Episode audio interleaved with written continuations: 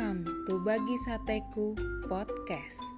Ayo jadikan saat teduh jadi gaya hidup anak muda masa kini. Topik saat teduh kita hari ini adalah Ayo cek posisi imanmu hari ini.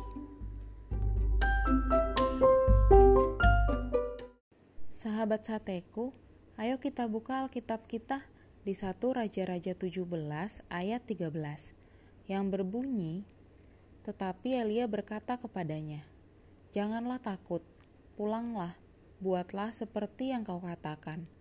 Tetapi buatlah lebih dahulu bagiku sepotong roti bundar kecil daripadanya dan bawalah kepadaku, kemudian barulah kau buat bagimu dan bagi anakmu. Gak kerasa banget ya, udah setengah tahun lebih loh kita dalam keadaan pandemi ini dan juga tanpa kita sadari, mungkin persediaan makanan dan uang tabungan kita udah mulai menipis. Nah, di situasi-situasi kayak gini ini nih, beberapa di antara kita pasti jadi kembali ingat untuk berdoa dan mulai kembali beriman. Kisah Elia dan janda di Sarfat memberikan kita perspektif yang baru mengenai iman. Dalam keadaan yang begitu susah, janda ini didatangi Elia seseorang yang tidak pernah ia kenal yang meminta bagian dari tepungnya yang masih tersisa yang seharusnya akan dibuatnya menjadi roti bagi dirinya dan anaknya. Itu persediaan mereka yang terakhir loh, diminta pula sama orang yang gak pernah mereka kenal. Jelas dong kalau hal ini bukan sebuah permintaan yang mudah untuk dituruti. Tapi Elia bukan hanya meminta, dia juga datang membawa firman Tuhan Elia menyertai permintaannya itu dengan menyampaikan janji tentang pemeliharaan Allah pada tahun-tahun kekeringan tersebut.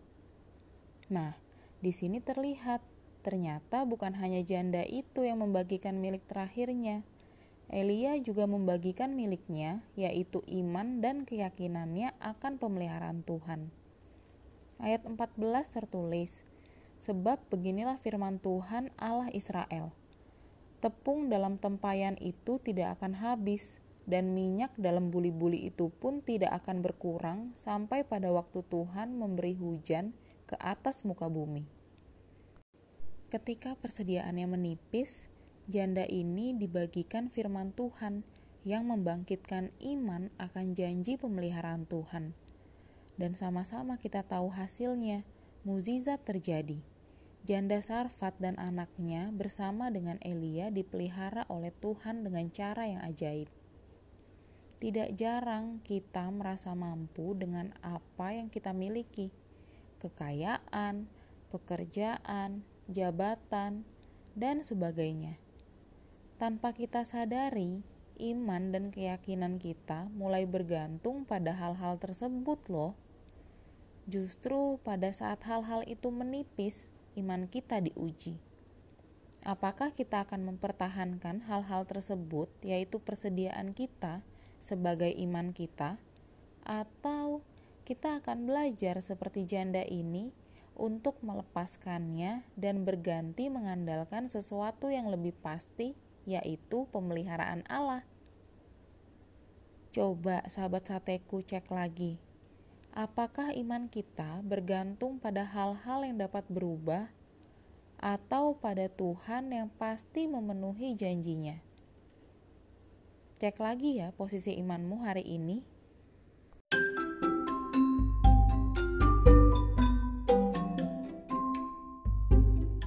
Terima kasih ya sudah saat teduh dengan bagi Sateku Podcast.